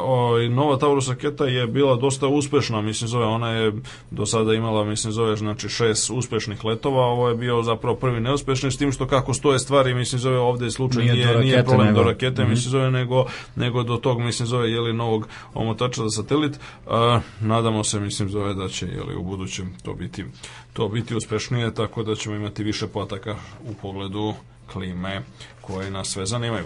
E sad, naredna vest nam stiže ovako iz istorijskih ovaj, iz, iz, iz dubina prošlosti, kako bi se reklo. Postoji jedno veliko interesovanje u poslednjih pa rekao bi čovjek deceniju i dve za događaj koji se odigrao pre 400 i nešto godina, a to je da ovaj, jeli, čujene pomorsku bitku, odnosno poraz španske armade.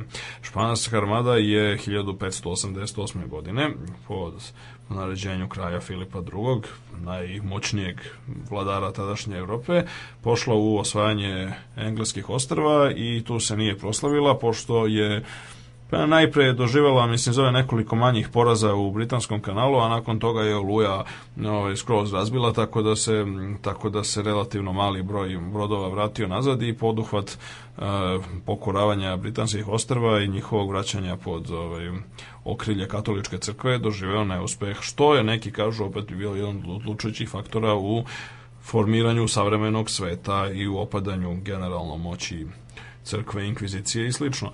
A, dakle, kako se ispostavlja?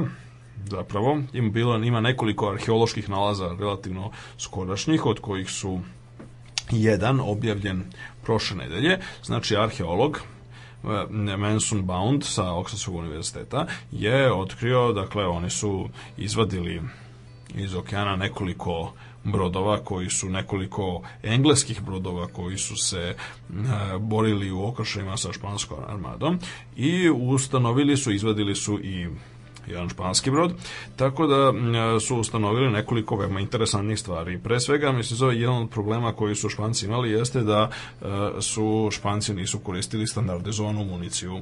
Imali su jako veliki problem, zove da nađu, mislim, zove oni bi, kada bi ispalili, mislim, zove đule iz svog topa, mislim, oni bi trebalo da nađu adekvatno đule u gomili đuladi. Da, da. I sad to je bilo užasno mučna i teška i spora procedura, tako da je njihov, njihova ono rate of fire, odnosno brzina cena pucanja očigledno bila daleko, daleko inferiorna u odnosu na britanske, a e, kako se ispostavlja, mi se zove britanska mornarica, ne samo što je imala standardizovanu municiju, nego je imala i nego je imala i municiju mnogo manje kalibra, ne znam, koje je mogla da koja je mogla ponese mnogo više, mislim zove municije na brodu, imali su mogućnost da mnogo duže operišu, mislim zove bez ponovnog snabdevanja. A samim tim i veći domet, jel? I, i da, i ispostavlja se da ispostavlja se da je a, ovo to veoma mislim zove dakle ti novi nalazi zaista bacaju mislim zove novu novo svetlo mislim zove na to dešavanje pošto se ranije smatralo mislim zove da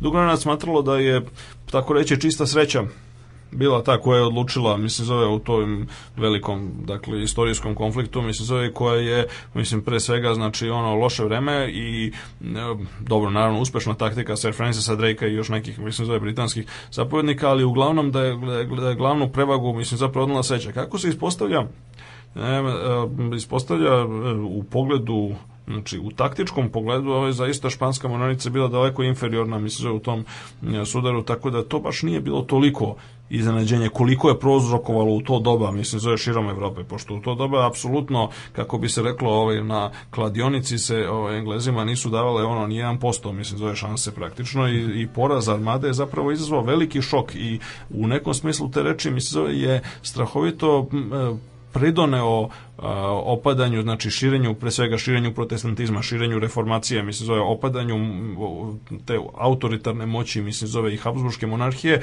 i katoličke crkve, e, tako da je to bilo sasvim očekivano. Kako stoje stvari izgleda da i to i za to imalo onako dobrih dobrih tehnoloških razloga.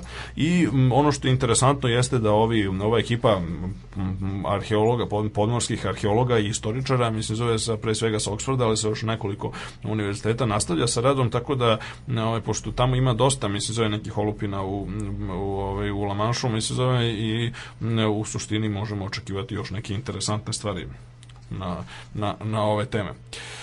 I konačno treća vez za prošlu nedelju mislim stiže sa Antarktika. Uh, sad na Antarktiku obično ljudi gledaju mislim zove kao na nekakvu ledenu pustoš i tako dalje. Ono što se obično zanemaruje jeste činjenica gde da m, taj kontinent ima svoj reljef ispod leda i nije uvek bio pokriven ledom, nego je svovremeno bio čak i relativno blizu ekvatora, mislim pre duše nekih 80 miliona godina, a, tako da je ono što je interesantno jeste da njegova reljef i njegova topografija autentična, znači ne ovaj led koji se nalazi, mislim zove na njemu, je bila je i dalje donekle misteriozna i donekle nedovoljno dobro poznata, naravno, mislim što naravno nije niko čudo, pošto ako se nešto nalazi ispod ono 2 km leda ili, ili tako nešto, onda je jako teško utvrditi. E sad, međutim, razvili su među vremenu ljudi razne nove interesantne tehnološke metode, pre svega, znači, ono što se naziva ili remote sensing, odnosno raz, razne da, daljinske senzore koji Skeniranje su u stanju jeste da vide, mislim, zove zapravo šta se tamo nalazi. I između ostalog objavljena je tokom moje prošle nedelje jedna ekipa, mi se zove ono, međunarodna, mislim zove između oslog čuvena Lamont Doherty Earth Observatory, odnosno čuvena, ajde kažemo, institut za istraživanje za geonauke, mislim zove na, pri Columbia univerzitetu u Njujorku i um, British Antarctic Survey, odnosno znači taj ovaj, znači britanski znači pre, antarktički pregled, kako se to kaže, to je zapravo takođe jedan institut koji se bavi pre svega ispitivanjem pre svega fizičke i, i geoloških uslova na Antarktiku, a su objavili zapravo prvu detaljnu mapu takozvanih a, takozvane e, znači a, e, ga, Gamburcevljeve mislim zove provincija odnosno Gamburcevljeve oblasti. Ispostavlja se mislim zove da taj da znači e, znači Gamburcev je planinski lanac koji se koji je uporediv po veličini sa Alpima, otprilike vrlo sličan Alpima, ali se uopšte ne vidi na površini, osim nekoliko, mislim, naj, najviših vrhova, pošto je praktično u celini pokriven ledom.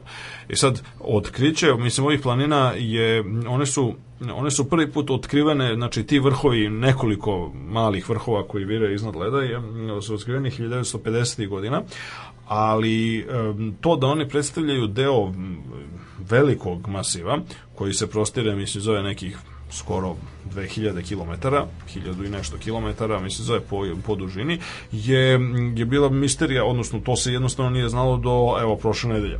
Prošle nedelje su oni objavili, mislim, zove rezultate, mislim, zove tih, znači, udaljnih senzora koji pokazuju da zapravo je to veliki planinski lanac nastao, mislim, zove na, e, nastao pre oko 30 miliona godina, na, nastao, znači, nabiranjem kontinenta, mi se zove znači na sličan način kao što su Alpi nastali i kao što Himalaji nastaju i dan danas, pošto mm -hmm. se Himalaji recimo podižu i dan danas još uvek rastu. E, dakle, s tim što ovde je postoji dodatni faktor, mislim zove leda koji se na, nagomilao, znači, znači te ogromne težine leda koji zapravo sprečava i otežava mislim, njihov dalji rast, tako da zapravo sad su ovo, ovo su ovi preliminarni rezultati koji su objavljeni nam ukazuju pokazuju da zapravo a, zapravo da je a, geologija Antarktika nešto što je odnosno znači i geografija i topografija Antarktika nešto što predstavlja veliki izazov za objašnjenje i dan danas pošto kažem opet dugo vremena samo su pojedinačne mislim samo su recimo ne znam oni vulkani Mount Erebus na, na primjer i ono, još nekoliko mislim zove nekih vrlo istaknutih e, topografskih znači obeležja je bilo poznato na Antarktiku, a sve ostalo se smatralo da je ovako nevažno, međutim ispostavlja se da ispod leda ima raznih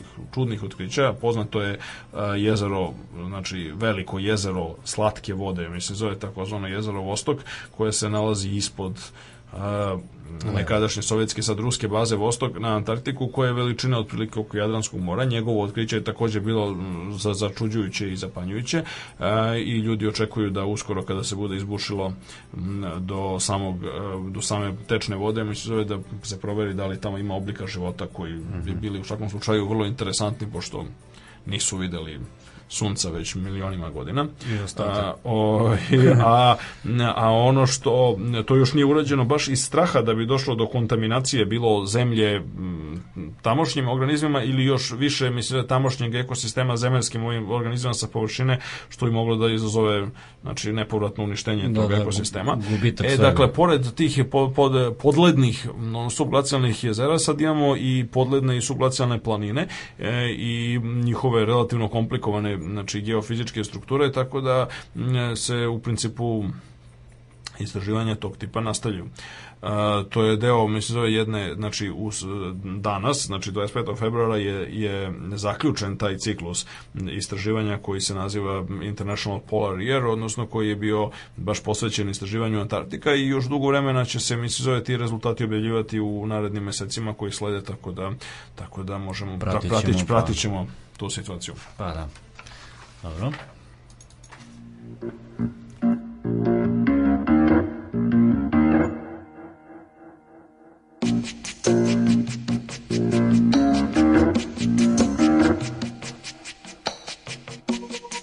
is about there's something evolving. Whatever may come, the world keeps revolving.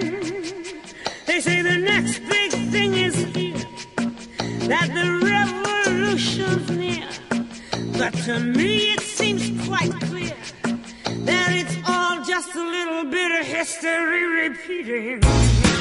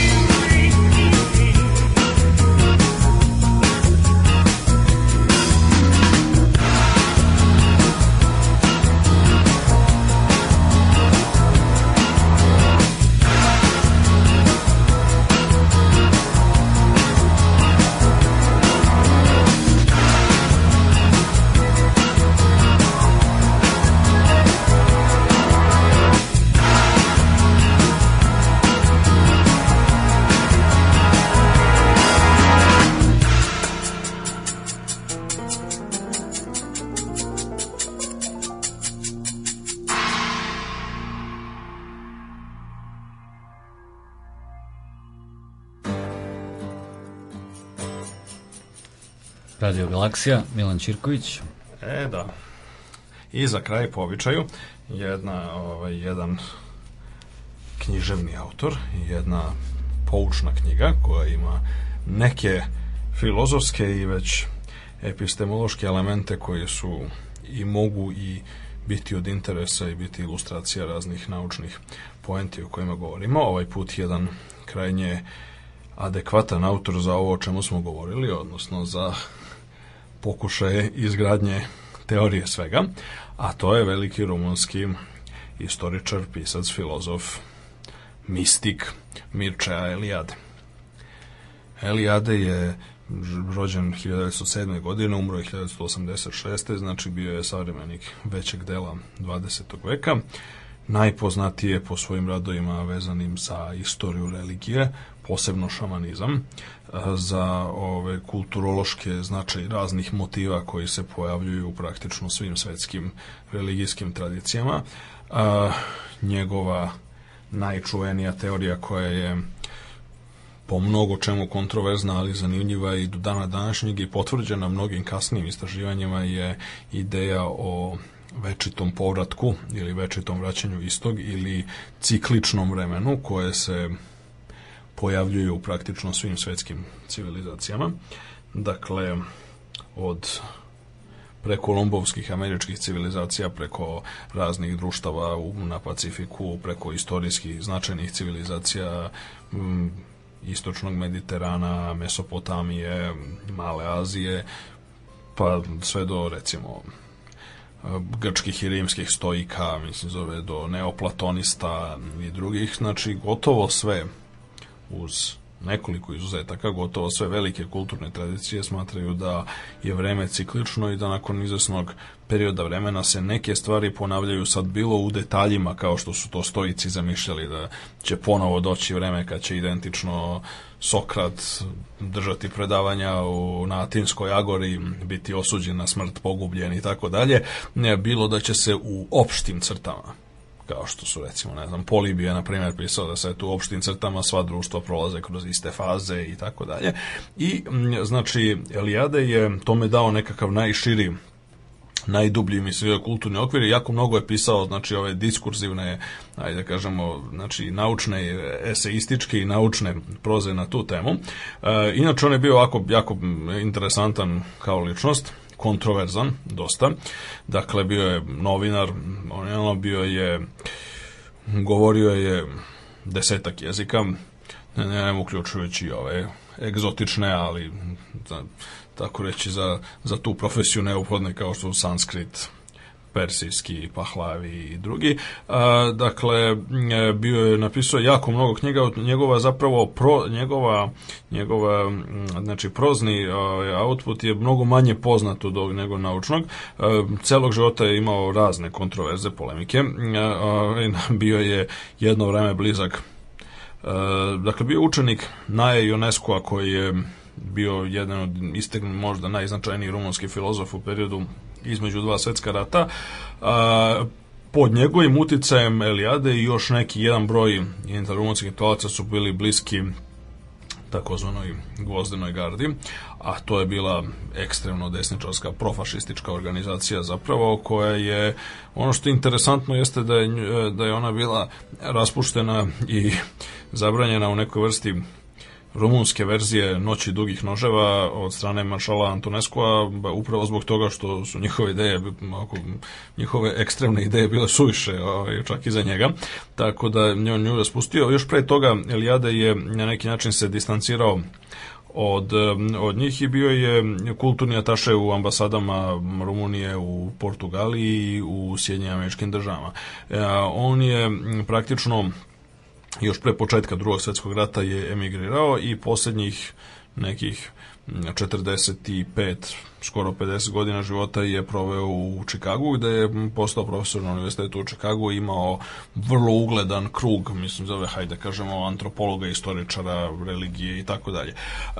Interesantno je da jedno vreme je na njega bila naravno bačena posle drugog sveta, bila je bačeno prvo onako žestoko prokletstvo, hajde tako da se izrazimo od strane komunističkog režima, ali interesantno da se to postepeno promenilo, e, tako da je poslednjih recimo, hajde da kažemo, tokom 70. i 80. godina, jedna gotovo obsesija Nikolaja Čaušeskova, mislim, zove tadašnjih mm -hmm. diktatora Rumunije, bila da Ilijadea nekako dovede, mislim, zove u Bukareš, tako je. I on mu obećavao brda i doline, mislim, zove. I kako, kako pokazuju otkriveni nakon, nakon zbacivanja Čaušeskova i rumunske revolucije, tamo, 1989. Jeli, onda kako pokazuju otkriven čitav niz dokumenta. Sekuritate je malte ne, mislim, zove je, dakle, razmatrala i mogućnost njegove nasilne otmice Aha, i nedovođenja, dakle, a da znači nezavisno od toga mislim zove su mu obećavali ne samo univerzitetske položaje nego vile otprilike mislim zove bogatstvo med i mleko i tako dalje ukoliko bi se vratio pošto je na neki način bilo promenjeno Mislim, Čaušesku je revidirao gomilu tih nekakvih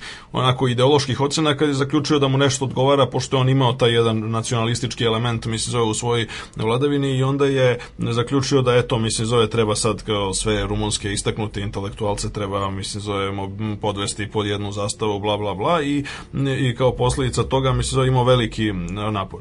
A, međutim, nije uspeo tome, Elijade jeste razmatrao jedno vreme, kako kažu njegovi prijatelji, mislim, zove te, te ponude i jedno vreme je čak i zaista poverovao da, da bi mogao, mislim, zove to da uradi, ali su ga, mislim, zove u suštini u, u suštini su ga na kraju ubedili da to ipak nije mislim baš najpametnija odluka a, tako da je on živo i umro je u, u Čikagu. Ono što je interesantno između ostalog mislim zove bilo da je recimo govor na njegovoj sahrani održao niko drugi nego Nobelovac i najveći američki neki kažu pisac Sol Bellow. Mm -hmm. I da kao posljedica njegovog utica i njegovog rada je ogroman. Mislim zove oni i dan danas ljudi smatraju da znači njegova dela posebno čuvena istorija verovanja i religijskih ideja u tri toma koja je prevedena i objavljena i kod nas predstavljaju apsolutno ključne ključnu literaturu do, za, za tu oblast. Ono što je jeste kontroverzno jeste nekoliko njegovih ideja. On je bio glavni zagovornik pa nečega mi se zove što bi se moglo nazvati perenijalna filozofija ili ponekad se naziva i tradicionalizmom. Sad tradicionalizam u smislu doktrine, ne u smislu onoga, znači oslanja nužna tradicija. On je verovao da postoji jedna jedinstvena tradicija koja je zajednička praktično svim znači celom čovečanstvu u svim kulturama bez obzira gde se nalazila. I sad, a, diskusija oko toga, on nije baš eksplicitno ulazio odakle ona zaista potiče, a, on imao taj jedan mistični element koji je zajedničak, recimo zajednički sa, na primjer, Rudolfom Steinerom, sa teozofistima, sa antropozofistima, sa nekim drugim, hajde da kažemo, okultnim učenjima 20. veka, mislim zove sad koja su učila da, recimo, ta originalna, originalna tradicija potiče bilo iz Atlantide, bilo mislim zove s neke druge ne, mistične zemlje sa Tibeta recimo vrlo često ne tako dalje. I Eliade nije ulazio u detalje toga, ali ono što jeste činjenica jeste da je, je se držao jedne vrste znači platonističke, hajde da kažem, pogleda na svet, a to je da postoji neki konačan broj kulturnih arhetipova koji se samo ponavljaju na različite, imaju, postoje različite varijacije na te neke iste teme.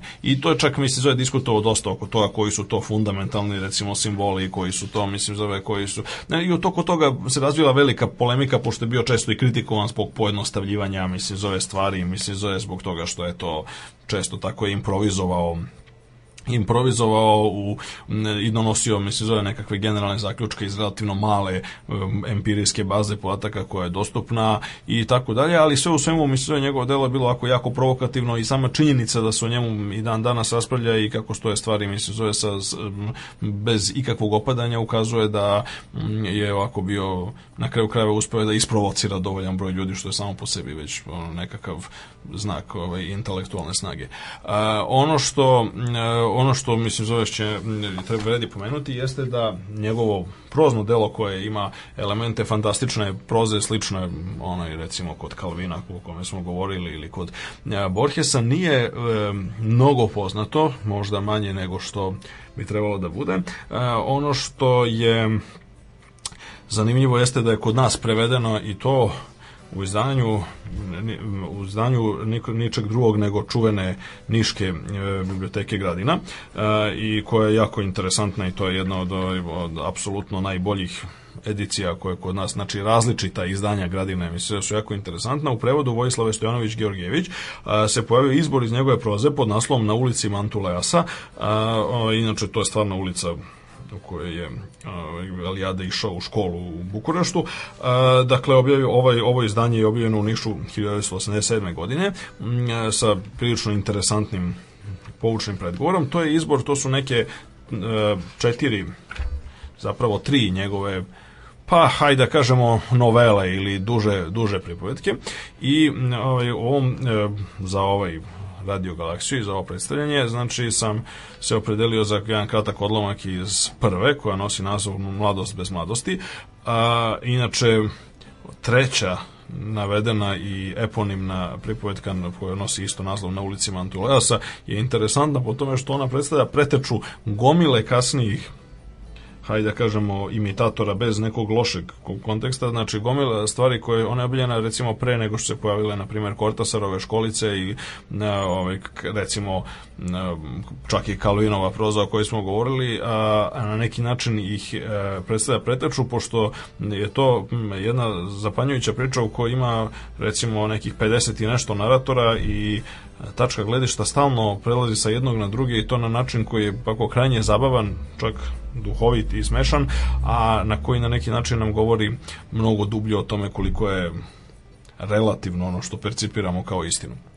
Ali za sada, dakle, jedan kratak odlomak, dakle, mladost bez mladosti.